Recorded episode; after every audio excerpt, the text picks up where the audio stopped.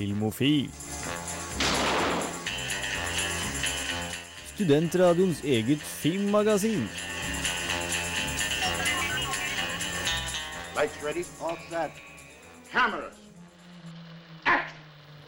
Ja, hei og velkommen til nok en sending med Filmofil her i eksamenstida. Vi skal, eh, vi skal ta det litt med ro i dag også, som vi har gjort de siste ukene. Eh, vi skal rett og slett filme og chille litt. Eh, og, og ja. Og med meg i studio for å for ja, Som chille-kompanjonger, så har jeg Trine. og Sunniva. og vi har også fått med oss eh, en god gammel eh, god Gammel, gammel traver. Å, Jeg ja. angrer allerede. Men, eh, som skal ta teknikken i dag. Hva heter du? Jeg heter Hans Alaus. Og eh, vi har vært så utrolig heldige i dag å få gjest fra eh, studentmedienes videoseksjon. Oi, oi, oi. Oh, ja, hva, hva heter du? Jeg heter Torstein. Dere skal få høre mer om eh, Torstein og de andre her etter eh, en eh, låt. Men eh, ja, jeg heter, jo, jeg heter jo da August. Kanskje også viktig å få med. Men eh, for å på en måte innlede chillemodusen, så skal vi eh, høre en veldig, veldig chill låt. Vi skal høre Pina Coladas av Jimmy Buffett. Ja, Hvis ikke den låta får deg i chillestemning, da veit ikke jeg. Um, men uh, vi har jo som sagt en gjest i studio i dag. Uh, du kan jo få introdusere deg selv kjapt, eh, Torstein. Ja, nei, jeg er da 23 år, studerer filmproduksjon, singel. Og er videoleder da, på huset som dere driver med nyhetssaker. Så du, du eh, kan litt om eh, film og sånn òg, da? Kan jeg. litt om film. Hadde eksamen om det i går senest, så forhåpentligvis litt. Så bra. Har du sett noe spennende film eller TV i det siste, da? Nei, altså Noe siste så har jeg sett på Master of None sesong to. Og det er jo noe av det mest pene tv-scenen jeg har sett i mitt liv. Det Ja. Ja, jeg har ikke sett noe av det. Hva, hva er konseptet? Konseptet er ganske enkelt. Det er jo Dev som hovedperson, som lever i New York og har litt sånn typisk sånn singelliv der han prøver å finne seg kjæreste, henger med vennene sine. Det er litt sånn typisk New York-serie. Spilt av Aziz Ansari, komikeren. Ja. Og det som, men det som gjør den litt unik, da, er at den har et veldig diverst kast. Eh, indiske folk, det er Ja. Korea, folk fra Korea, det er liksom folk fra overalt, og de har forskjellige ledninger, og det liksom føles naturlig. Ja, det, det er jo et stort pluss, da. Jeg, jeg så nettopp en, en eh, YouTube-video om eh, konseptet Asian Erasure, og, og på en måte hvordan eh, asiatisk Eller uh, uh, sånn amerikansk-asiatisk kultur på en måte er nesten helt uh, ikke-eksisterende i i populærmedia, med mindre de er liksom supernerder. Det, liksom, det, det eneste, eneste man får se av liksom asiat, eller sånn, eh, asiatiske amerikanere da, i, i, eh, i populærfilm, er liksom ja, han geeken i hjørnet. Um, så, så det er Jeg tror faktisk han nevnte den serien som liksom første gang man får se en asiatisk person date Ja, og i liksom Og større de har- produksjon. dating, han er jo en skuespilleraspirant, og han prøver å bli skuespiller. Og du får se ham liksom i alt mulig forskjellige rare roller. Han gjør reklame, han gjør en sånn der klein film som handler om eh, folk som blir sånn zombier. Og det er helt forferdelig. Men det er litt sånn humoristisk bak scenen-blikk, da. Ja, nei, det høres, høres spennende ut. Uh, har du sett noe spennende i det siste, da, Sunniva? Eh, ja, altså Etter forrige ukes eh, sending eh, så fikk jeg en anbefaling fra Hans, uh, faktisk. Arrested Development.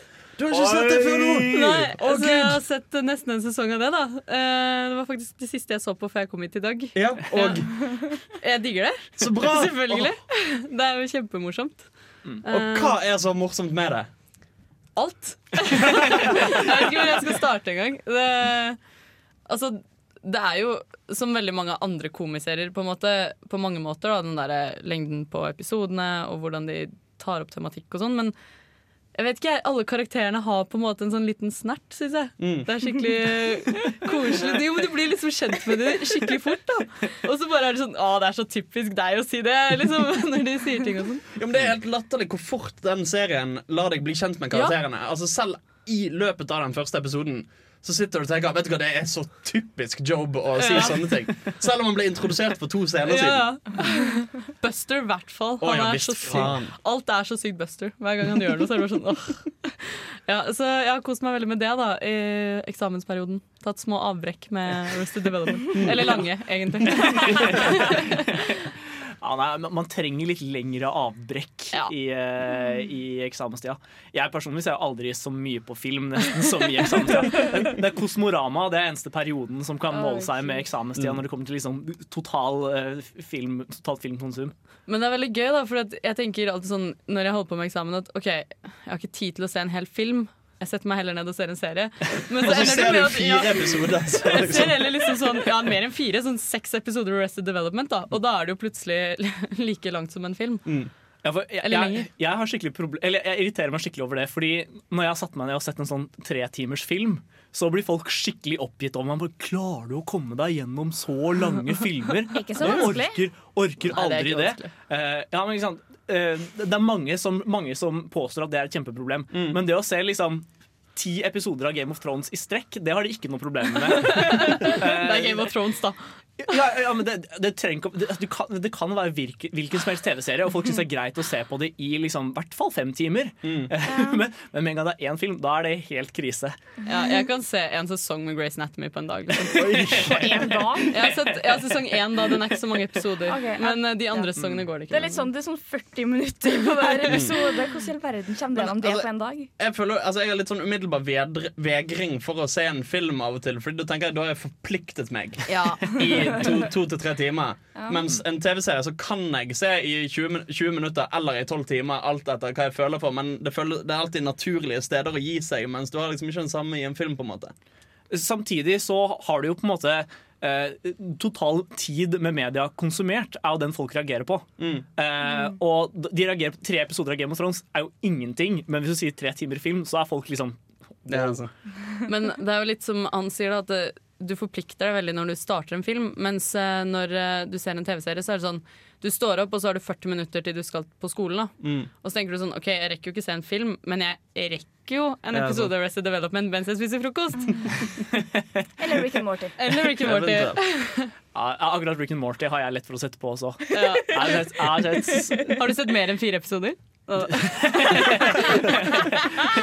nei, akkurat med Rick and Morty tror jeg jeg har sett alt fire Oi. ganger. Eh, tror jeg Eller Bortsett fra den siste. August den Sørli Mathisen, gutten som hater TV-serier, har faktisk sett Ja, men Det er jo animasjonsserier som er unntaket. Eh, sånn, som, eh, sånn som The Last Airbender har jeg fullført. Finnes and Ferb har jeg sett latterlig mye av. South Park ser jeg hver gang det går på TV. Eh, jeg har også sett noen sånne latterlige animeserier på, på Netflix. Sånn Seven Deadly Sins. Har noen av dere plukka opp det? jeg bare syns det så så dårlig ut. Ja. Det, det, ja, det er det. Men eh, jeg vet ikke, animasjonsserier er, jeg, jeg, jeg er svak for det. Det, det, det, det er liksom det, Ja, det er veldig uforpliktende fort. Men eh, ja, på On That Note så tenker jeg vi tar en, eh, vi tar en låt til. Dette var på ønske fra Torstein. Skal vi høre 'Stronger' av Kanye West. Hei og velkommen tilbake til Film og chill denne, denne helligdagen, faktisk. Faktisk. Ja. Himmelspretten. Himmelspretten. Den kommer som julekvelden på kjerringa hvert år, den for studentene. Det er liksom sånn, Jeg er aldri forberedt på at det skal være Kristi himmelfart. Nei. Jeg, jeg kommer på butikken og bare sånn her, her, Hvorfor var det stengt nå? Jeg klarer så vidt å holde styr på søndagene. Vi har jo en skole som vanligvis er stengt på helligdager. eh, Så du kan jo tenke dere det sjokket jeg fikk i går, da. Når du kom i eksamen. Uh, er det helligdag i morgen? Hæ, er det stengt? Det er heldigvis ikke stengt, da, men jeg kom på skolen i dag, og da virket ingen av de der nøkkelåpne brikkene. Fordi jeg Yeah. sånn automatisk skal stenge på helligdager. Lol. Så han som var studentvakt eller resepsjonist, måtte følge alle elevene til klasserommene. Og det går over sånn fire bygg og seks etasjer, så det var jo veldig gøy. Praktisk, praktisk løsning. Det var koselig med følge, da. Men eh, vi skal snakke mer om eh, ting vi har sett i det siste. Og eh, vi har jo ikke vært med på to uker nå, Trine, så jeg antar at du har fått sett en del siden sist. Jeg har sett litt, og så har jeg hatt en hjemmeeksamen inni der som har bare ødelagt alt. Men eh, jeg har sett litt. Det første som jeg var på sing Jeg kan ikke prate noe lenger heller. Jeg var på kino og så Ellen Covenant. Ja! Var det, var det Prometheus all over again, eller var det liksom Det eneste jeg har sett av Alien, er Ellen. Oh, ja! Så jeg får liksom bare inn i Ellen Covenant og visste liksom hvordan Prometheus slutta og alt sånt der sånn. Og så var det bare eh, Det var så dårlig CGI og Jeg har faktisk ikke sett noen av de. Oi, Oi. det er jo helt krise, faktisk. Vi må ha, vi må ha Alien, eh. Alien. Jeg har de to første på Blu-ray. Eller jeg har faktisk alle, alle de fire første på Blu-ray. Jeg, føl- jeg føler jeg er en av de få som faktisk likte Prometheus. uh, og som faktisk syns det var en knakende OK film. Eh, så jeg har jo gledd meg til uh, Covenant. Jeg tror du kommer til å like den, da, hvis Ja. du likte Prometheus. liksom Ja, men da så. Men det er bare karakterene var liksom så dårlige, så du brydde deg liksom ikke så mye. Det er liksom, De skal jo fære i par, og det er jo folk som er gift. Og James Franco har en veldig koselig liten rolle i den filmen. Um, Sound of jeg, vet, jeg vet ikke hvordan jeg skal tolke det. En, Vi skjønner det sikkert når vi ser Han har er en veldig liten rolle. Ja. det Sånn, det var veldig moro. Men jeg, jeg bestemte meg for å feire at jeg var ferdig med hjemmeeksamen i går.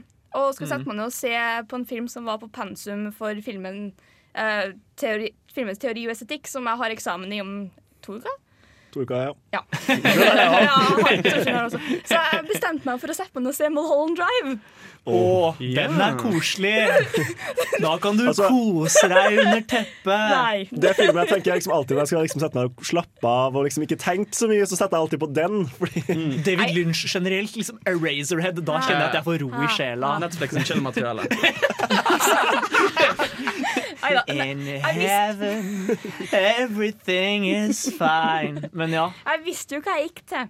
ja bra. Godt, enda godt det. Men kan jeg bare spørre, visste du hva du gikk til, og fikk det du forventa? Eller visste du hva du gikk til, og var det mye verre enn du trodde? For det var sånn jeg første opplevelse min. Jeg, jeg, Jeg trodde jeg visste. Jeg vet ikke, for at jeg, jeg tok og la den inn i Letterbox som en sånn film eh, der du liksom setter inn filmer du har sett, og rater det og skriver anmeldelser og sånn. Det eneste jeg skrev under anmeldelsen, var What? Den leste jeg faktisk. Jeg skjønte så lite. Men det, det er en sånn film som første gang jeg så den, så forsto jeg ingenting. Og andre gangen jeg så den i det faget, da så begynte, klarte jeg å koble sammen ting, og det var helt utrolig. For at jeg skjønner ikke hvor dum jeg var første gangen. Men jeg kobler ikke nok. Det, Ja, samtidig så Jeg ser ikke på David Lynch som noen som skal brytes ned logisk. Han har sagt at Mulholland Drive kan brytes ned logisk. Folk sier at de har gjort det, men jeg ser ikke poenget. For hele, hele på en måte ideen til David Lynch er på en måte å gjenskape marerittets estetikk og på en måte og logikk. Og eh, marerittet skal ikke brytes ned logisk. Nei, nei. Du, det, det skal mer sende deg inn i en slags følelse. Og ingen er så flink til å, frem, eller til å skape den marerittfeelingen som Lynch. Yep. Jeg syns kanskje det er aller best i Lost Highway, men jeg, det, det er ikke alle som er den enig i skal jeg se etter jeg er ferdig med Twin Peaks. Men der har du, jeg synes første halvdel i seg sjøl har en så merkelig følelse. Det Skuespillet føles ikke naturlig. Det er ingenting som det føles sånn naturlig ut. da Nei. Og det, er det det Når andre halvdelen tar over, og det føl, plutselig skuespillet blir mye bedre, så føles det mer det er liksom, Du må bryte ned for å forstå hvorfor det var så dårlig første halvdel. Ja. Lyden på, i starten når, når Betty er på flyplassen, og så har det seg de to gamlingene, lyden er jo ikke i synk. Med vilje. Ja, ja, det, er, det er noe veldig, veldig sånn eerie over hele David Lynch sin Han, han kødder liksom, med forventningene våre. Noe så gærent. Ja. Ja, jo, fordi når du kommer til det punktet hvor filmen vender, så på en måte har, har, det, har det føltes ut som det har vært nokså logisk sånn kausal oppbygning på filmen til da, og du Ja. forventer liksom en slags sånn plot twist hvor du skal skjønne alt. I hvert fall forventa jeg det første gangen. Ja, og, så, og så bare Nei, nå, nå skjønte jeg ingenting. det, er som, Mindre. det, er som, det er som min mattelærer på videregående pleide å si. Ja, f før eh, var jeg bare forvirra, og nå skjønner jeg ingenting. Eh, den, den, den er litt sånn. Ja. Men har du, har du sett noe mer av interesse? Uh, jeg har starta å se Twin Peaks. Ja, det er mer lynsj. Mer lunsj. Mer Lynch. Men jeg tenkte bare Jeg så første episoden når jeg gikk på videregående. Og da hadde jeg ikke helt filmsmak i det hele tatt. Og satt bare Det her er noe av det kjedeligste jeg har sett på en god stund. Og så så jeg igjen nå og bare Å, fy faen. Jeg forstår ingenting, men det er jævlig bra. Men jeg fikk jo ikke til å sove første natta. For jeg var livredd for at det skulle komme Jeg ligger på stua, så jeg var livredd for at det skulle komme noen igjennom altandøra. Jeg var litt sånn Jeg våkna midt på natta og trodde det lå noen i sofaen. Nei, Ja. uh, Twin Peaks er en sånn serie jeg har sett fire episoder av. Altså er- tre. Jeg, Men, holder eh, på med den fjerde. Men vi, eh, vi Sunniva var jo og så eh, Twin Peaks Firewalk With Me på, på Samfunnet sin eh, søndagsfilm her tidligere dette semesteret, så vi vet jo på en måte alt som skjer. Ja, Eh, og har fått alle spoilerne og sånt. og det er jo litt trist, fordi at du vil jo Du fikk mer lyst til å se serien av filmen, men da veit du jo alt. ja, ikke sant? Ja. Selv, om, selv om eh, filmen er enda mer sånn out there enn eh, enn det serien er. I hvert fall, hvert fall start, de fire første episodene Ja, eh, av serien er liksom nokså nok så greie. Men ja. Jeg skulle ha sett mer David Lynch, ass. Ja. Jeg har store planer om å få sett Wild at Heart i løpet av denne sommeren. egentlig. Jeg kjøpte den på DVD for et år siden, men jeg har enda ikke liksom fått satt meg ned med den. Men ja. Nå skal vi, nå skal vi høre en eh, låt fra en eh, film eh, jeg er veldig glad i, i hvert fall. Som også er en, fra en litt sånn eerie scene også. Vi skal høre Elliot Smith med 'Needle in the Hay' fra The Royal Tenenbaums.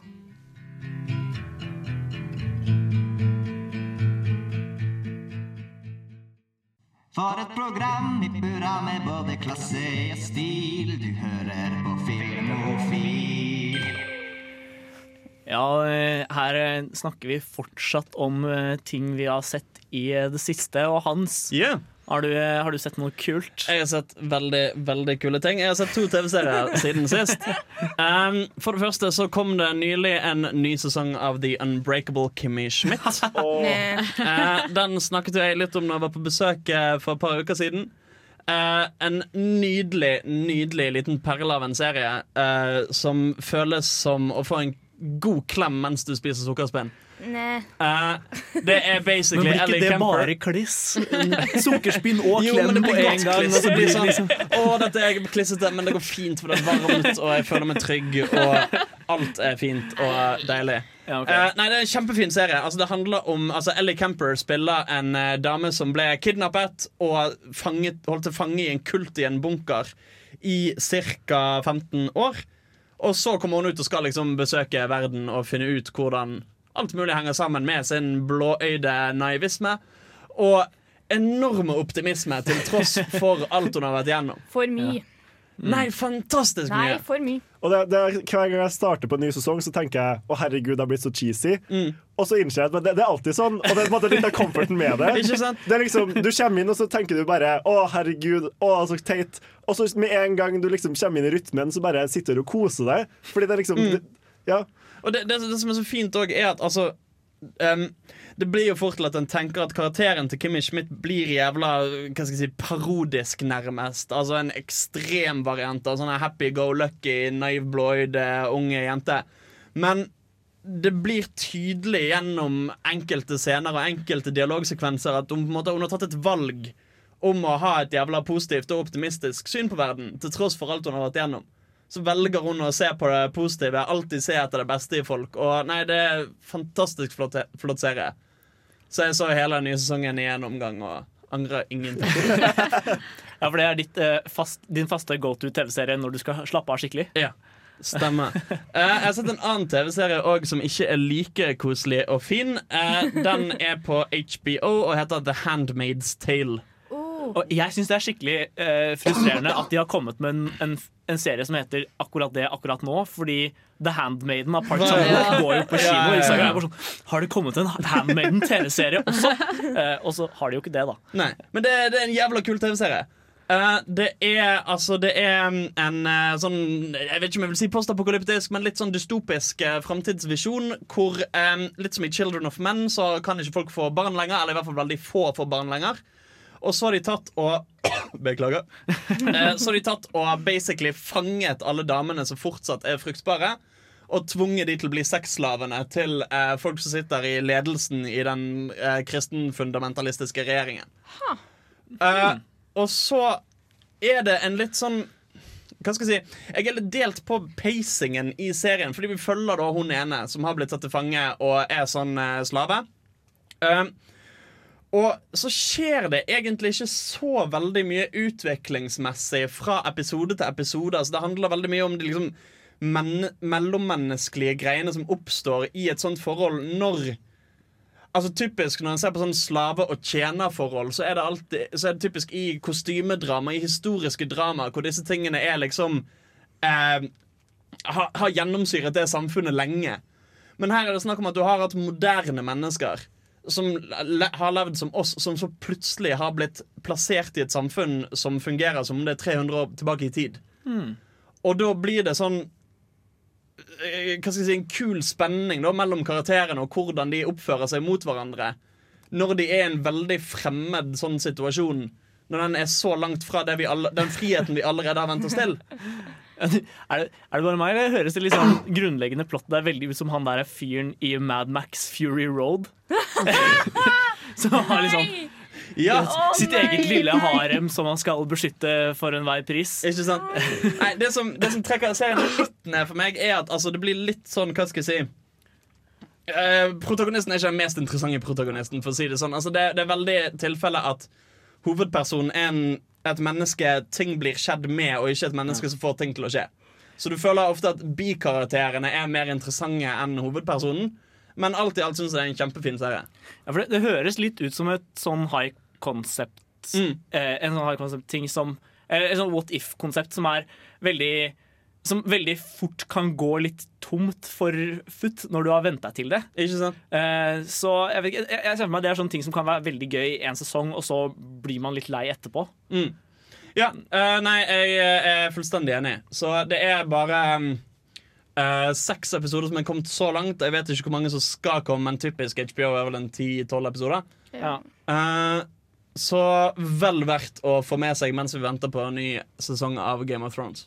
Noe annet man kan gjøre mens man venter på en ny sesong av Game of Thrones, det er å høre Rocket Man av Elton John. Ja, der fikk du Elton John med Rocket Man. Og eh, her på denne, i denne Film og chill-sendingen så snakker vi om ting vi har sett i det siste. Eh, og nå er det min tur. For jeg har, eh, siden jeg ikke har vært med på to uker, så har jeg jo rukket å se en del. Jeg har annet fått vært mye på kino. Eh, og det, noe, som er litt, noe som er litt fascinerende for meg, som er fra et så lite sted som Lillehammer, er at når du kommer til Trondheim, så går ting på kino så utrolig lenge. Ja. Så, sånn som, sånn som uh, Oscar-filmen da, hadde jo jeg forventa skulle slutte å gå liksom, ja, i, uh, i februar, egentlig. Eller seinest mars, Ja. hvis de gadd å ha den, ha den i kanskje tre uker i stedet for to. Hvis det var mange som kom og så. Eh, men eh, ja, benytt sjansen til å, få, til å endelig få, få sett Manchester by the Sea. Og herregud, det var en bra film, altså. Eh, er det noen av dere andre enn Trine som har sett den? Nei. Nei, for det er, det er, det er Den toppa brått min liste for 2016. Eh, da, er, da er sånn Den er det, det er et utrolig godt komponert drama.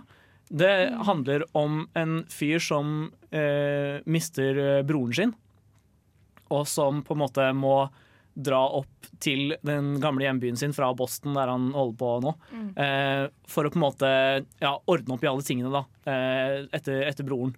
Passe litt på nevøen. Ja, han har en, han har en nevø som han plutselig eh, overtar formynderskapet for, og eh, ja, eiendeler skal, skal fordeles. Og etter hvert gjennom flashbacks og på en måte hans generelle holdning og samtaler, så får vi inntrykk av at Eller så får vi vite om at det har på en måte hans, hans liv har på en måte vært en stor tragedie, da.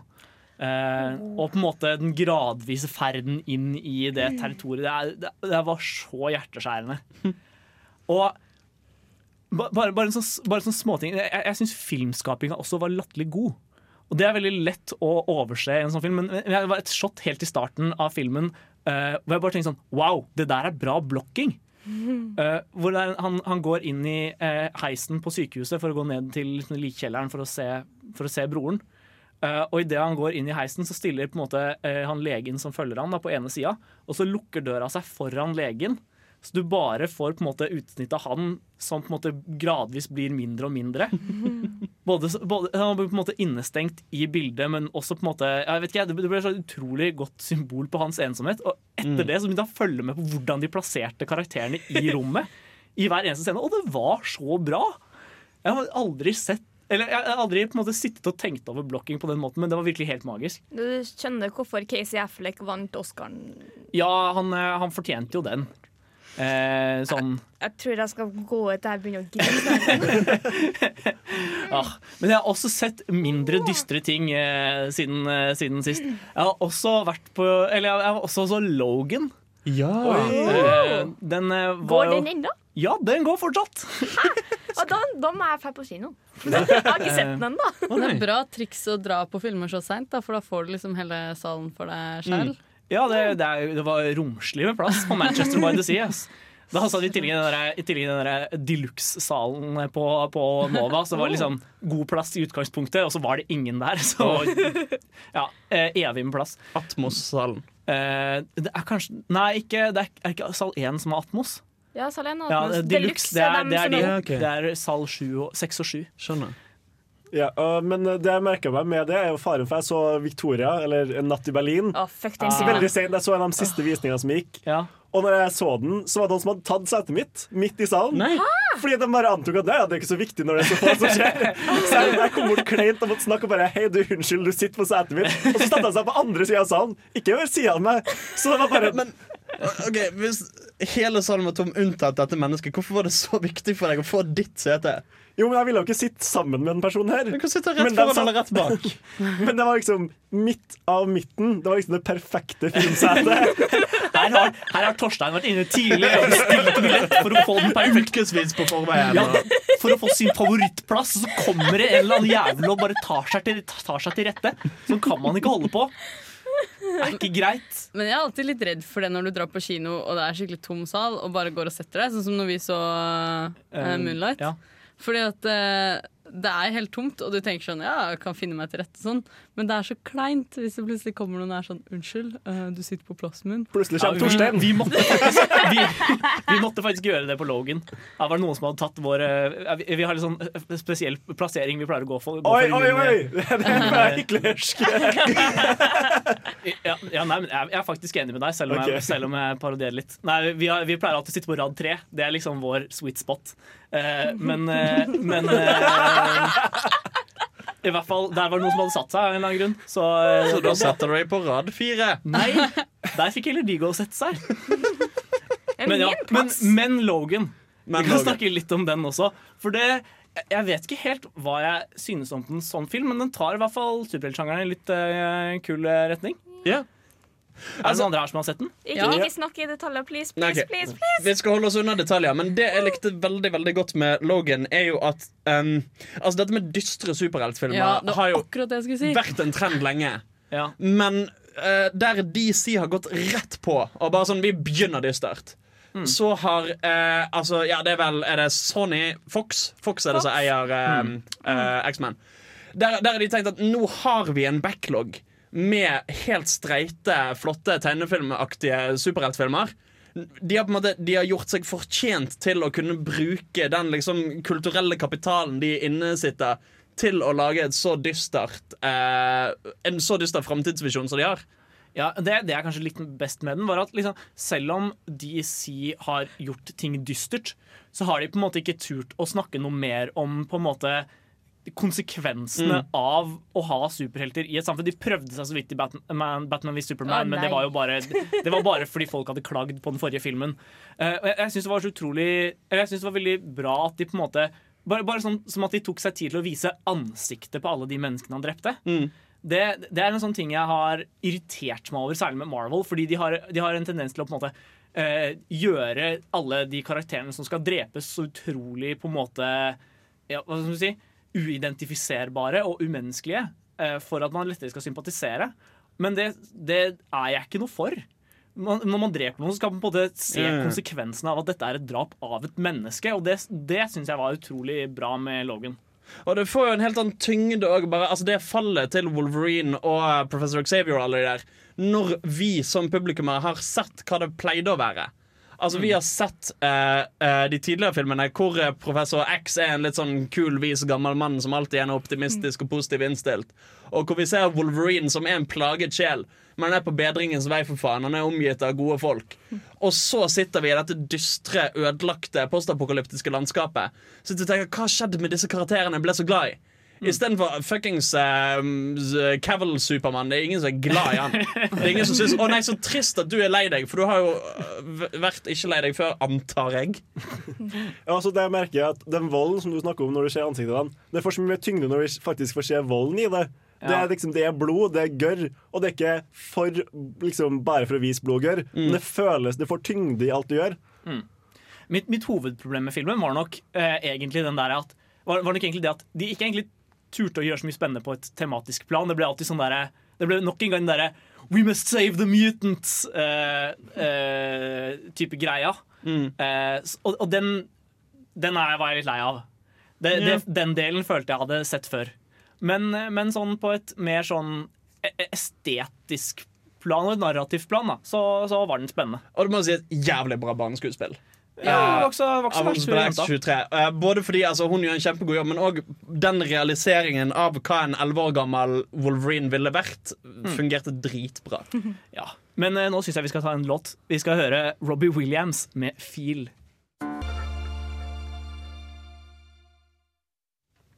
Og eh, vi har eh, så Nå har vi snakka ganske i, i lengde om hva vi har sett i det siste.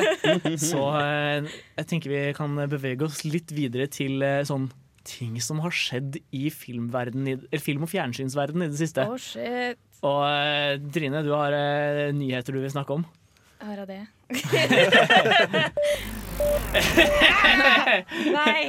Uh, det kom en ny trailer til Game of Thrones. I går. Er det noen heftige spoilers? Noen heftige hint? Dragons. Nei, men liksom Det avsluttes med liksom at det er en hel haug med folk på hester som er på og rir bort, og så kommer det på en sånn jævlig svær drage. Jeg sitter bare Big dragon. Drager er ikke noen spoiler, akkurat. Nei, Det er sånn, Hester, hester er heller ikke en spoiler. jeg føler Det første jeg hørte om Game of Thrones, var den serien med drager i. Og så så jeg den og bare ble skuffa at det ikke var drager noen på et tidspunkt. Dragons. Dragons and boobs. Ok, Nå er jeg litt sånn engstelig. her. Hva jeg har lov å snakke om spoilermessig? Ja, altså, jeg, jeg- har jo gitt opp å få Game of Thrones spoila, for jeg har sett eh, tre sesonger, og på dette tidspunktet så er det liksom okay, det, det, er, bare- det er bare å gi opp. Ok, For jeg har en tanke som kommer til å avsløre at én karakter er i live, og litt om hendelsesforløpet på slutten Mener av du sesong seks. Stannis? Nei. Nei uh... Hvem da? Altså, ok, Daenerys Ja. seiler over eh, havet med hele Dothraki-hæren. ja. Og jeg syns jo det er en fin ting hvis traileren viser at de faktisk rir litt og holder på. At han ikke drar en eller annen sånn Å, mens dere har ventet på cliffhangeren, så eh, sank alle skipene, og hele hæren er død, så nå må Daenerys klare seg. Du ser at hun kommer fram til Hva heter det for noe? Hun setter seg på en sånn Iron troneting. uh, Island. Ja. Uh, Dragonstone. Ja, Nei, Dragonstone, ja. ja. Du ser jo det i traileren. Okay. Du ser, du, du ser det i teaseren, til og med? Ja, du ser det i Jeg jeg har ikke sett noe av trailer eller teaser. eller noe sånt. Nei, uh, hun sitter i hvert fall på uh, Dragonstone yeah. i teaseren. Det er liksom, i Traileren starter med at um, Cersei holder på å prate om at hun har fiender overalt. No shit. Så det, ser liksom Det er i sånn hvert fall ikke noe spoiler. Nei, det er ikke noe spoiler. Har, har hun noen gang liksom hatt venner overalt? Eh, Men liksom, du ser småklipp fra liksom overalt. Mm. Og så Hva er det som skjer, egentlig? Jeg savner Tommen allerede. Han er den eneste sånn derre ærlige sjelen. Ah, nei, jeg Naiv liten kid. Jeg har bare flirt meg i hjel. Ja, jeg òg. Men det er liksom, jeg husker ikke så mye av traileren. Det er kanskje like greit, det. Jeg husker relativt lite. Du ser, Men- du ser liksom Aria fær med en hest rundt omkring, og så ser du litt fra The Wall, så ser du litt John, og så ser du John som prøver å kvele Littlefinger. Oi. Men kan vi komme tilbake til det du sa, Hans? Yeah. Hvem er det du tror eh, lever? Altså Cersei. Nei, Cersei sier jeg. Eh, Daenerys. Ja, det, eh, Jo, men det, det var fordi Det er jo en Trodde hun skulle dø? Nei, nei, nei, det var For å unngå å spoiler spoile dersom noen av våre vyrde lyttere ikke har sett eh, sesong seks, oh, ja. så er det jo på en måte en spoiler at hun fortsatt er i live. Det er ganske Ja, men tanke det er en, har du sett Game of Thrones? så har du ikke hoppet meg for at jeg tar hensyn. Fordi jeg er i hvert fall veldig på den derre det er Stannis, er det ikke det, som blir drept av Og Stannis er død som faen. Ja, men, vi, vi har aldri sett han dø.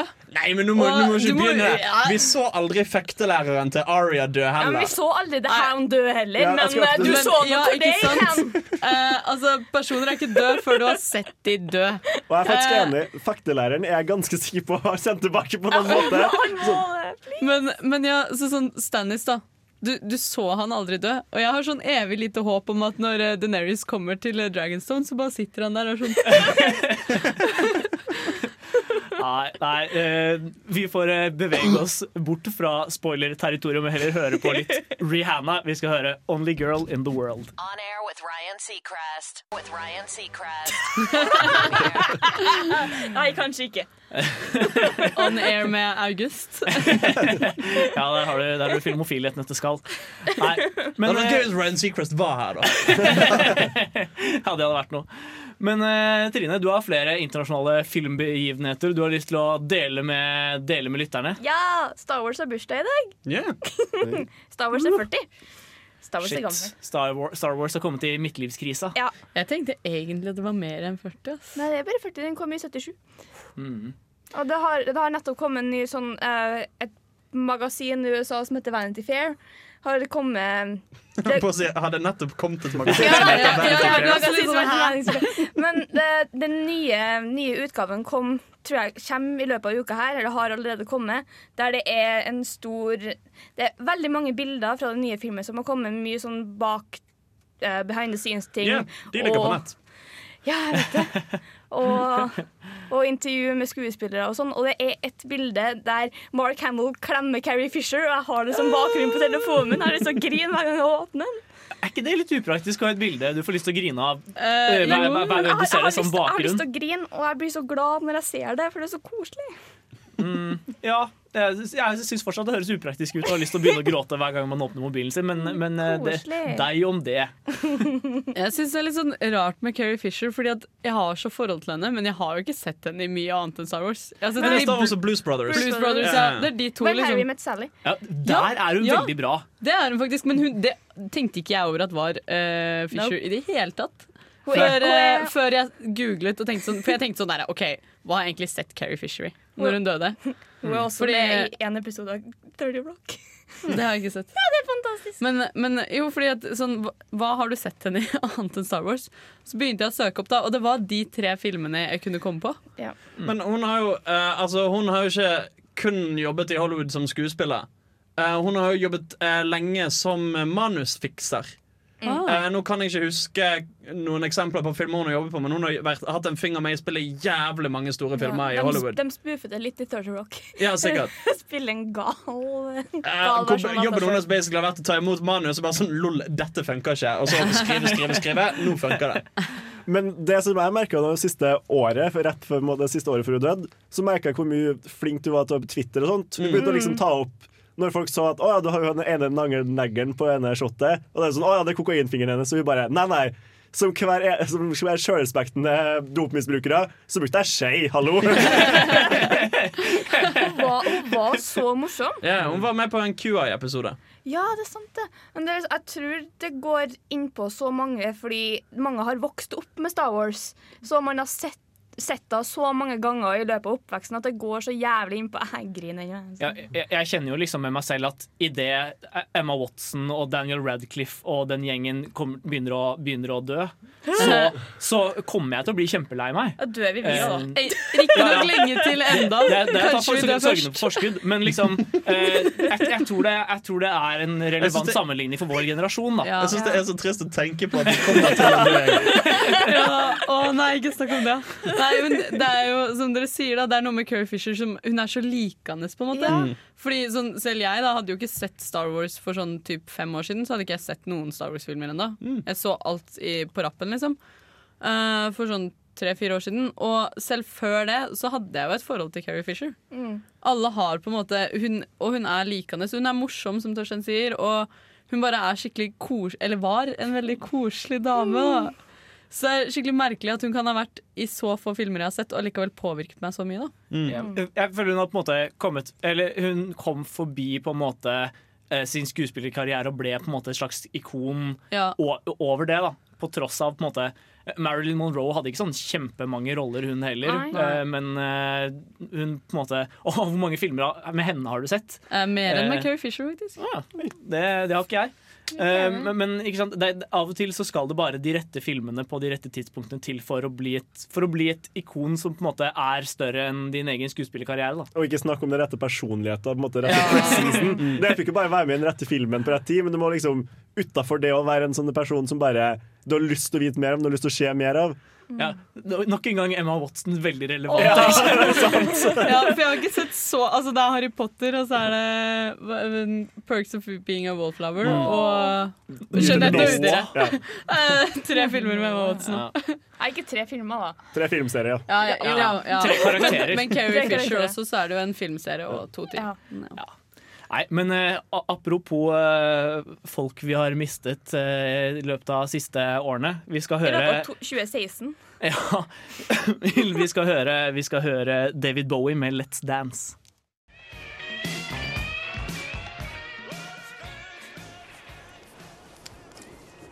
Hva hører du på? Nei, det er litt sånn spesielt. Jeg tror ikke det er noe du har hørt om, egentlig. Ah, ja. Test meg ut, da. Ok. Filmofil. Faen, mann, det er jo en klassiker. Satan, har du hørt det? Jeg skal ha hørt om det.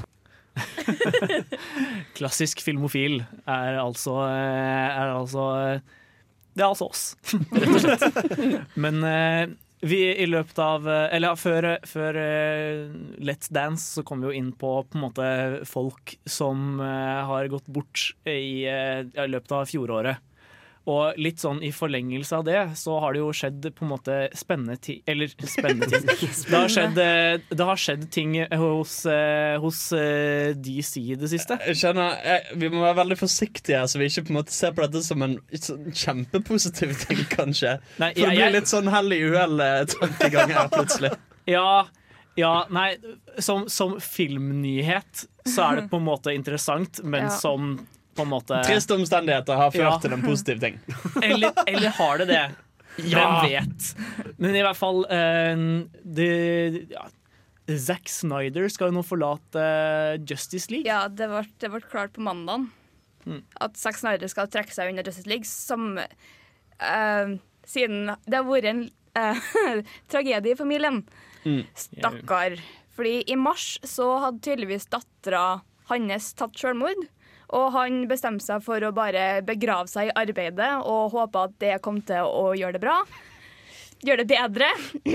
Aldri en god idé. Jesus, jeg må være forsiktig med hva jeg sier her. Og så, det er så trist, fordi begrave seg i arbeidet for å bearbeide sorg, og så blir resultatet fuckings Batman vi Superman. Og, ja, ja, men Hæ? Nei, potensielt Justice League. Dette var, eh, dette var nå i mars. Og nå i mars! Det er nå i mars. Men, eh, Men herlighet. men eh, i hvert fall mannen som skal overta, er jo da Joss Whedon. Og det er Ja. kjempebra tenkt. Her snur humøret brått! Jo, men, eh, ok, Selvfølgelig, dette er en tragedie, det som har skjedd med Zack Snyder. Eh, Det er kjempe, kjempe, kjempetrist. Men for DC-universet og framgangen der, så er det faen meg ingen mann som kan gjøre det bedre enn Joss Whedon. Altså det, det er jo hans fortjeneste at vi har eh, Avengers og det, den Marvel-kontinuiteten som eksisterer i dag. Og det å få det inn altså både på en altså, narrativt logisk måte og eh, kanskje ta et par skritt vekk fra denne blodseriøsiteten som har vært Han, i eh, han får ikke lov til å gå noe bort fra Sex Niders visjon, da. Ja, men helvete, da. Ja, det er det som er greia her. Ikke sant? Det at Joss Whedon kommer inn nå, kommer ikke til å hjelpe noen ting. Nope. Tror jeg, da. Fordi eh, Joss Whedon gjorde en utrolig god jobb med The Avengers. Det skal han ha. Men han gjorde ikke en veldig god jobb med Avengers 2. Uenig. Eh, og pro for problematikken er at eh, det er så mye i de, i de superheltfilmene så er det så mye studio interference nå at på en måte det, er- det er umulig å, Eller det er veldig veldig vanskelig å på en måte skape noe med en, med en stemme. Uh, Whedon Jeg følte jeg fikk til det med første Avengers-filmen, fordi han hadde en del frihet i og med at de på en måte De visste stedet de skulle være etter The Avengers, var Mm. veldig mye mindre komplisert enn stedet de skulle være etter Age of Ultron, og også Mm. Skal vi ta den diskusjonen. Fordi jeg er veldig uenig med det du sier nå, August. Um, Da skulle kan- du jo vært kan- der på superheltserien i stedet for. Men uh, jeg, jeg, jeg, jeg, vi, kan, vi kan prøve å ta det tilbake til DC. For jeg, jeg, jeg syns jo faktisk DC har vært ganske flinke til det å faktisk ha eh, regissører inne som har en slags stemme. Problemet eh, og, Jeg syns jo faktisk Zack Snyder er en slags autør, i motsetning til hva veldig mange andre mener. Mm. men eh, problemet med filmene ligger ikke så mye på et sånn eh, Så mye på et regiplan, tror jeg, som det ligger på et, på et manusplan på mange måter. Mm. fordi man Det er så mye informasjon som skal formidles på, på en måte korrekt måte for at universet skal gå opp. At det ikke er noe på en måte rom for å lage en film oppi det. Og det, det irriterer meg Eller det er det som er irritasjonsmomentet mitt med den typen Extended Universe-filmer. Og jeg tror ikke det kommer til å hjelpe at Joss Whedon har blitt med. da Ja, ja, han skal nå ha egen film, da. Batgirl. Ja. Også, men det er, gans- jeg tror det er ganske greit at de ikke lar han gjøre noe med egen stil, da. Med, reshoot, med reshootene som skal skje nå i sommer. Fordi det blir veldig dumt om du Du merker det plutselig så godt hvis en annen regissør kommer inn og tar over. Du ser jo du, Suicide Squad. Og så ser du Ant-Man. Du Ja. ser liksom Du ser hint av at Edgar Wright har vært der, men det er ikke Edgar Wright sin. Sånn. Altså, Jeg kan være enig i at det er for seint for Joss Whedon å gjøre noe. Men det Joss Whedon er jævla god til, er å holde styr på alt sammen. Altså, fordi Si hva du vil om eh, Age of Ultron. Men per sånn jeg oppfattet den filmen, så syns jeg han gjorde en knalljobb i det at du har alle disse superheltene som alle hver for seg er verdig sin egen film. Og alle får hver sin lille ark som fungerer isolert for de og i helheten av alt sammen. Og som fører videre til samme mål. Altså, altså rent Altså, altså Bare sett, sett vekk ifra på å si, kunsten i det, håndverket i det, det logistiske i det, er Joss Whedon jævlig flink på. Og jeg tror han kan være et jævla friskt pust i DC. Ja, for Til forskjell fra deg synes jeg det Joss Whedon er god på, er å bygge univers. Det så vi i Firefly, og vi så det med på en måte, de første Marvel-filmene. Kjempegodt bygde univers. Men jeg tror ikke han kommer til å kunne skape noe spennende i det miljøet som er nå. Men nå skal vi høre en låt. Vi skal høre 'Twist and Shout' av The Beatles. Ah, nå har vi twistet og shoutet i eh, studio eh, under eh, låta. Håper dere der hjemme også gjorde det. Men vi skal snakke mer om spennende ting som skjer i filmverden i disse dager. For for tida er det jo Cannes, filmfestivalen i Cannes. Jeg har gått av stabelen for jeg vet ikke hvor mange ganger de har holdt på med. Noen av, noen av 60 eller noe. De, de har holdt på en stund. Men eh, i hvert fall, de har eh, Det har vært litt kontroverser i Cannes i år. Oi. Altså, Det er jo fullt av snobber, De er i Frankrike, liksom. må vi jo kunne si. Nei, fordi altså, De sitter jo der og har et gammeldags syn på dette med film. Film skal være oppe på the silver screen, det skal være i kinosaler. Og så har vi jo dette med at streaming begynner å bli mer og mer vanlig. Og eh, filmer eh, begynner så smått å bli en ting som kun eh, slippes digitalt og ikke på kino lenger. Og det er ikke de gamle franske surpumpene i eh, Cannes og Palme d'Or-gjengen så happy med. Jeg, for, for det som har skjedd nå, er jo at Netflix har hatt to filmer som har vært med i hoved, hovedprogrammet til Cannes. Eh, både en ny film fra Bong Joon-ho, han som lagde eh, Snowpiercer, og en film fra Noah Baumbach, som er mest kjent Yeah. for uh, The Squid and the Whale.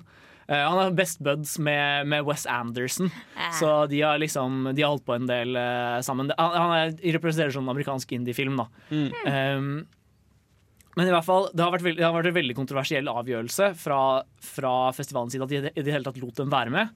Men nå, nå, nå endte de opp i hovedprogrammet, og folk har vært misfornøyde. Og altså, jeg kan jo Jeg syns jo egentlig det er veldig fint. For jeg altså, så, så, Særlig sånn som Bong Joon-ho er jo en utrolig visuell regissør. Og jeg syns det er kjempetrist at jeg ikke skal få lov til å se hans film på kino. Altså, det er jo som om musikkfestivaler skulle nektet å la artister som eh, ikke slipper masse LP-plater lenger, eh, spille. Ikke helt. Jeg, jeg, er der er jeg faktisk uenig. Jeg synes, fordi eh, her snakker vi om på en måte jeg, jeg, vil, jeg vil heller si at det er som om Spotify skulle nektet å slippe artister som ikke holdt konserter. Og det ville Det, det, det hadde jeg Jeg, jeg syns musikk og film burde oppleves på en måte Ja, eh, holdt på å si ikke, ikke live i filmens tilfelle, men på en måte i stor skala, da. Og jeg syns det er trist at Netflix skal nekte oss den muligheten. Altså, jeg er helt enig med deg, August, i det at eh, film eh, er fint å oppleve på kino, for eksempel, eller på the silver screen. Men du skal jo ikke undervurdere Netflix for det, da. Det er, OK, de lager mye crap, men de lager noe, de lager noe bra. Adam Sandler. Og, eh, og når de lager noe bra, så burde de jo absolutt få noe oppmerksomhet for det. Ja, ja, det, er, det er ikke det jeg prøver å si. Det jeg sier er at det hadde vært veldig fint hvis Netflix faktisk satte opp filmene sine på kino. Ja. At det De kunne- bare går på At det Netflix. ikke bare går på Netflix. Det er i. Det er jo helt forbanna latterlig å se på Netflix som fienden her. Altså, det er ikke Netflix sin feil at filmbransjen er pill råtten og ingen går på kino lenger. Netflix er jo, eh, er jo det som skjedde i kjølvannet av at filmbransjen er råtten, og er altså the lesser of the evils som fins der ute. Ja. Og ikke bare det, men du har, du har jo den biten med at Netflix har laga filmen, og selvfølgelig vil de ha det på sin plattform. Og det da synes jeg er dumt for filmfestivalen når de da de får den til å delta på en festival, og da de liksom blir sint og reagerer og buer ut filmen fordi at det kommer fra en strømmetjeneste. De viser den jo fram her på kino på en Ja. festival, og så blir den bua ut og stoppa opp. Ja, det, det, er jo den frans, det er jo de franske kinoeierne særlig som syns det er en provoserende avgjørelse. Fordi det ligger så mye penger i Frankrike da i en festivaldeltakelse, og de syns det er fælt at det ja, eh, At de ikke skal få del av kaka. Men altså Netflix driver også og lager filmer som ingen andre har lyst til å lage. Altså, eh, I hvert fall når du ser på mainstream filmverden. Folk vil jo bare lage eksisterende IPs, de vil lage oppfølgere og reboots. Og Netflix kommer og sånn Fuck it, vi kan gjøre litt hva vi vil fordi at vi ikke trenger å betale kinosaler masse penger for å distribuere filmene våre. Eh, så selvfølgelig skal de få lov å holde på som de gjør, og jeg syns det, det kun er snobberi, eh, måten dette blir behandlet på. Ja, nei, Netflix er ikke problemet, bransjen er problemet. Enig. Jeg, jeg, jeg, men jeg syns jo sånn som med, med The Neon Demon da, i fjor, hvis Mm. den kun hadde blitt sluppet på Amazon Prime, det hadde vært litt kjipt. Litt samme som Manchester by the Sea. Det hadde, det, det hadde vært kjipt så fremt den filmen kun hadde blitt sluppet. Hvis Amazon Prime hadde lagd filmen Neon Demon, hadde det vært helt greit. Jo, men Det var Amazon som lagde den. Men ja. Nå skal vi høre Taylor Swift med Blank Spaces. My calculations are correct. When this baby hits 88 miles per hour, you're gonna see some serious shit. Du hører på Filmofil på Radio Revolt. What did I tell you? 88 miles per hour! Ja, og her i, Film og Chill, nei, her i Filmofil så er vi i chillehumør i dag. Eh, kaller oss bare for Film og Chill. Ja. Men eh, vi skal eh, snakke om flere ting som, som skjer sånn i disse dager. For i går fant jeg brått ut, da jeg skulle på en liten cinemateksvisning av en fransk film fra 40-tallet, eh, som eh, eller, fant jeg brått ut at det var premiere på Pirates of the Caribbean 5. Dead Yeah. men tell, tell no tales. Ja. Tell no tales. Salazar's Revenge i Europa, nei, i sånn Norge og sånn enkelte land annet. Hei, kaller! Skal vi ta oss en tur på den nye Pirates-filmen? Men har dere trua, da? Jeg, jeg, jeg kjenner jeg ikke har helt det, ass. Jeg mista trua. Jeg har trua. Altså, det er jævlig bra casting med Javier Bardem som skurk, og de har fått med seg hun der, hun der um, damen fra. Skins uh, til å spille hun damen. Her, hvem fra Skins, da? Hun som også er med i Maze Runner. Ja. uh, hvem av dem er det? Eh, Det er Effie? det, det det ja. eneste skjedde. OK, ok, da henger jeg med. Ja. Så, så det lover jo godt casten, men ut ifra det klippet som er blitt distribuert, med, hvor de er på galgen og skal henges og halshogges og sånn, Å nei, den elsker jeg. synes syns det Oh, ser crap ut. Jeg syns de har gjort altså, karakteren Jack Sparrow til en mye mer tegnefilmfigur enn han var. Uh, I hvert fall ut ifra det klippet. Visuelt sett så ser det helt fint ut, men jeg syns rent manusmessig virker det svakt. Apropos castet, har dere fått med dere at Paul McCartney skal spille den? Ja! Spiller faren. Det, ja, eh, jeg så For jeg følger selvfølgelig Paul McCartney på Instagram. og så, så kom det ut et bilde da hvor han liksom så ut som Jack Sparrow, og jeg var litt sånn ha-ha lol. Eh, så dårlig redigert bilde, tenkte jeg.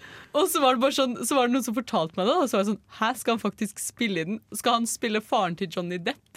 Ja, Johnny Depp har tydeligvis sendt den en melding, ifølge de, Eh, de to ja. regissørene. så For de var visst buds, så Ja, Johnny Depp bare Fordi Keith Richards, som egentlig spiller faren, kunne ikke spille Ja. den filmen. Så da sendte Johnny Depp bare en melding da og var sånn Halla, Paul, har du lyst til å være med i den nye Pirates-filmen, eller? Men altså, det ser jo ikke bra ut. Altså, Han ser jo ut som en liten gutt som har kledd seg Ja, ut. det er som akkurat det. Det ser jo så crap ut. Jeg trodde jo det var redigert inn til hans, ja. liksom. Ja, for i, i, I motsetning til deg, han, så syns jo jeg det visuelle ser ut som noe av problemet. Det ser ut som sånn CGI-fest Ja, men, eh, ja, men jeg synes det, altså, det vitnet om litt sånn kreativitet i koreografi. Altså bare den når Jack Sparrow løper rundt med den der uh, giljotinen fortsatt på seg. Jeg synes Det er jo Pirates of the Caribbean, da. Jeg syns, jeg syns det er så jævla bra ut. Og altså, det er der mye av styrken til Pirates of the Caribbean har ligget. Altså, sånn som i toeren, når de driver og fekter rundt i det møllehjulet. Det er sånne scener jeg syns funker jævla bra i de filmene. Ja. Og hvis de tviholder litt på de, så tror jeg det kan bli bedre enn vi tror det blir. Ja, men nå, nå føler jeg det liksom en av tingene som har gjort Det jeg så fra det klippet, var at CGI for eksempel, da, det, var, den, det føltes ikke tungt ut, og det er et problem som CGI har. Det, det føles ikke som det har ekte vekt i den verden. Det føles ut som det liksom er en sånn cardboard som bare flyr rundt omkring. Hvis det, selv om det er trebjelker på sånn flere hundre kilo, så føles det ut som en sånn liten sånn pappbjelke som blir sendt rundt. Altså, jeg, frem til liksom for et par uker siden så var jeg litt sånn Den eneste grunnen til å se den er egentlig de norske regissørene. Ja. Ja, det er Men- jo også et, et viktig poeng. Dette blir Hollywood-debuten til Kon-Tiki-gutta. Ja. Ja. Men uh, etter å ha lest en del uh, av anmeldernes sånn førsteinntrykk av den, så fikk jeg egentlig veldig positivt inntrykk. For det var veldig mange som sa at den her går veldig tilbake til sånn som film 1, da, i stemning Gøy. og sånne ting. Og det er jeg veldig spent på å se, Fordi at jeg syns at i hvert fall fireren, da var jeg Ja, så så uinteressert som jeg kunne bli. liksom Fordi at det, det begynte så bra med eneren. Mm. Og så har det bare blitt dårligere og dårligere. Og hvis dette her er liksom den nest beste etter eneren, nå, så fikk jeg skikkelig lyst til å se den. Ja, og nå har jeg, jeg har hatt noen venner som har ferdig sett den, for i går.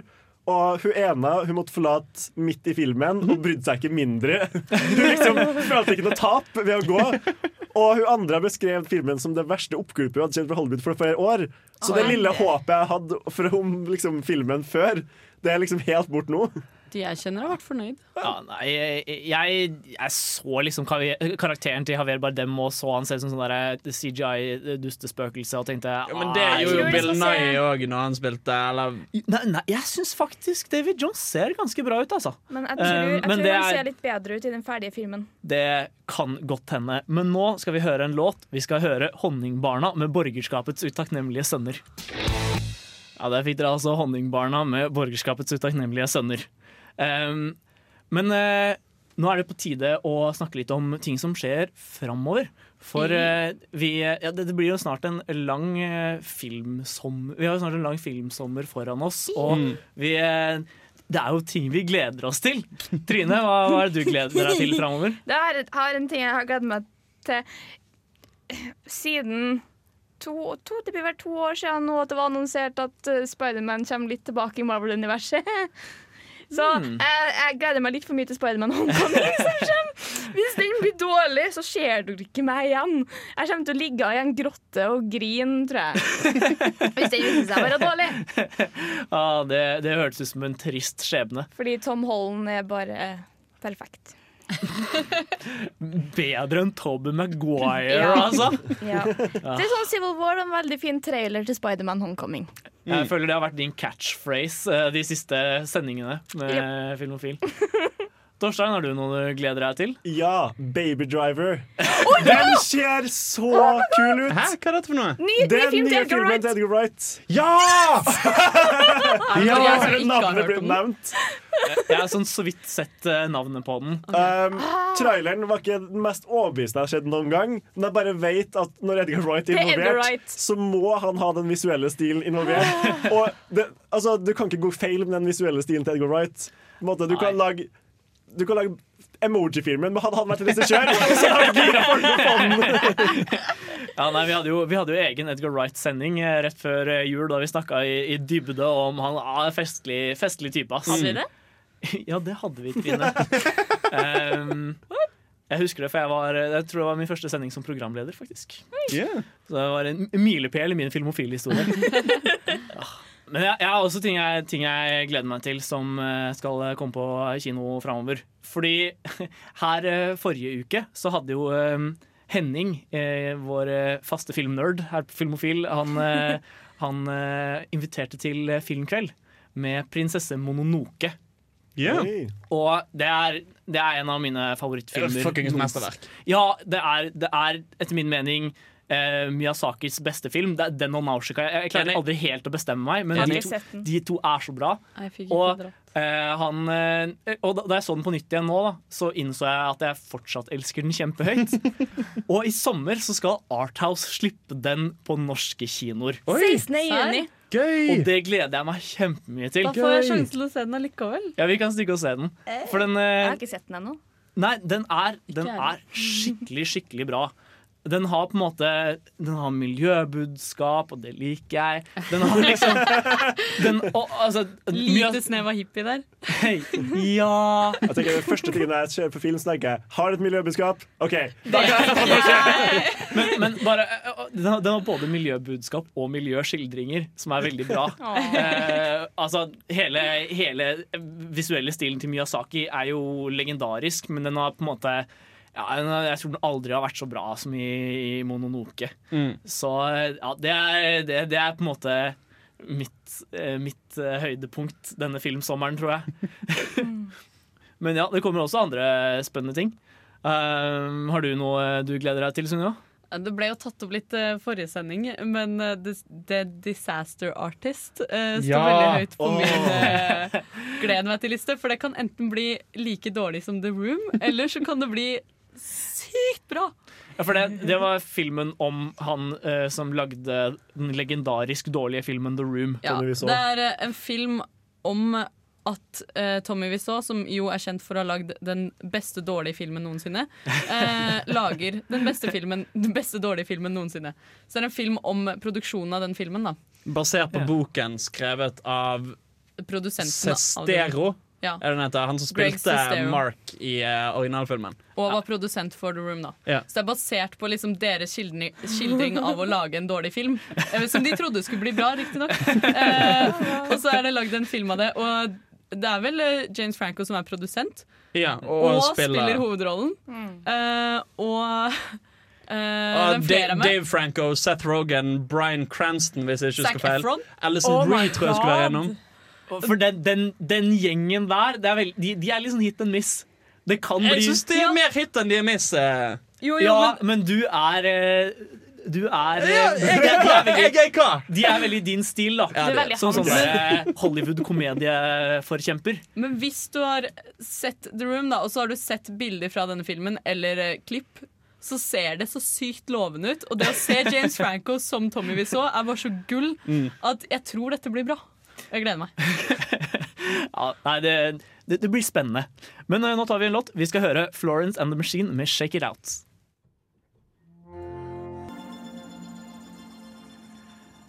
Ja, der fikk dere altså Florence and the Machine med Shake It Out. Og vi, eh, eh, før, før den så snakka vi jo litt om hva vi gleder oss til denne filmsommeren. Og eh, Hans, har du yeah. noen uh, ting du gleder deg til? Uh, det er et par ting jeg gleder meg til. Altså, uh, Først og fremst så kommer det en ny Star Wars-film. Ja, men det er ikke i sommer. Ah, Å, Sa vi i sommer? Ja, vi sa i sommer. Sommer. beklager. Tillat meg å eh, gå kjapt over listen Fordi min. hvis, hvis, hvis det har vært hele året, så Ja, tror du ikke jeg har okay, kommet ok, til Star Wars. greit. Jeg skal begrense meg. Jeg skal begrense meg Eh, Baywatch-filmen.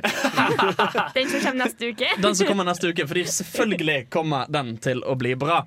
Altså, det er The Rock, det er Zac Efron, det er hva hun heter, Christina Dadario. Jævla mange kule skuespillere. Og altså, det er bare en så oppsamling av sjarm at altså, det kommer til å flomme karisma Ty ut av kino. tydeligvis veldig mye penis. Oi. Det gleder vi oss penis i filmen. Eh, Forrige, forrige sending jeg var med på, så hadde jeg et stikk om hvor glad jeg har blitt i The Rock i det siste. Et øyeblikk trodde du skulle si hvor glad du har blitt i penis. Å ja. Nei, men eh, han er så utrolig sjarmerende. Såpass at eh, Jeg vet ikke om dere kjenner til Stephen Colbert, men han eh, har jo eget eh, talkshow nå. Og, og da nyheten ble sluppet om at Tom Hanks og Beyoncé hadde vært på og, og Bruce Springsteen hadde vært på cruise med Barack Obama. Så sa han Oi, jeg håper de har fått The Rock til et, til et uh, trygt sted, for hvis vi mister de der, så mister vi hele USAs likandespotensial jeg syns det var veldig beskrivende, da. Ja. Eh, Det er noe med Baywatch, føler jeg. Fordi at eh, jeg, jeg, jo, jeg tror kanskje jeg en gang har sett en episode av det. Men uavhengig liksom, av om du har sett det eller ikke, så må du på en eller annen måte ha et forhold til det. Fordi at det er gjengitt så mange ganger i så mange serier. For meg så er det Friends. ja, jo, jo, men det at hele eh, Chandler og Joey sitt vennskap er bygd på Baywatch, har gitt meg et så forhold til Baywatch at jeg gleder meg til den filmen. Selv om jeg ikke har sett noen episode av det. Og der har jeg vært altså, det er, traileren, og det er egentlig ikke min type film i det hele tatt. Nei, ikke min heller. Men det er bare et eller annet med den sjarmen jeg så i den traileren, mm. som, som gikk over. Både, både Rock og Zac Efron og alle de fungerte så godt. Jeg Ja. fikk så lyst. Jeg ble så glad av å se på. Jo, men det er jo nettopp det. Altså, Jeg heller har ikke sett en eneste episode Baywatch. Altså, Mitt eneste forhold til Baywatch er Borat. Til å nevne det. Så liksom Det er jo bare det at det er The Rock som er verdens hyggeligste fyr, eh, tydeligvis. Og Zac Efron, som har en sånn merkelig tilstedeværelse på scenen. Eh, scenen, sier jeg. Uh, Lerretet. Som ikke kom helt fram i High School Musical, men i Bad Neighbors. Fy faen som han eksploderte ut av skjermen her. Uh, jeg tror det kommer til å bli en knallfilm. Jeg, var i, jeg har vært en del i Syd-Frankrike, og der går alle badevaktene i sånne badedrakter uh, som i Baywatch. Ja. Eh, Riktignok ikke like stor utringning på dem, men eh, jeg var der uh, uten mamma og pappa en gang da jeg var 14, hos noen familievenner som bor der nede. Eh, og så gikk vi på stranda, da, og så sa han plutselig Å, se, der er Pamela Anderson. Og jeg gikk så rett på. Snudde meg og bare what? Så før jeg innså liksom at nei, hun der har jo brunt hår.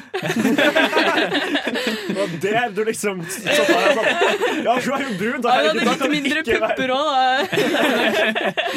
men, men det er liksom sånn Ja, du får et forhold til Baywatch, da. Og den filmen Jeg, jeg gleder meg skikkelig til å se den, og jeg Mm. håper den er knallbra.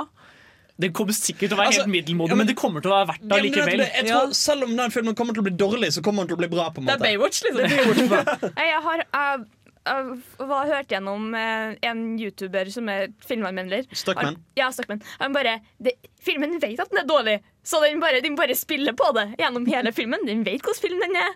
Den er bare er dårlig. Ja. Ja, så, så vi vi Filmofil, vi har troa. Men nå skal vi høre på noe som virkelig er chill. Vi skal høre Bon Iver med Perth.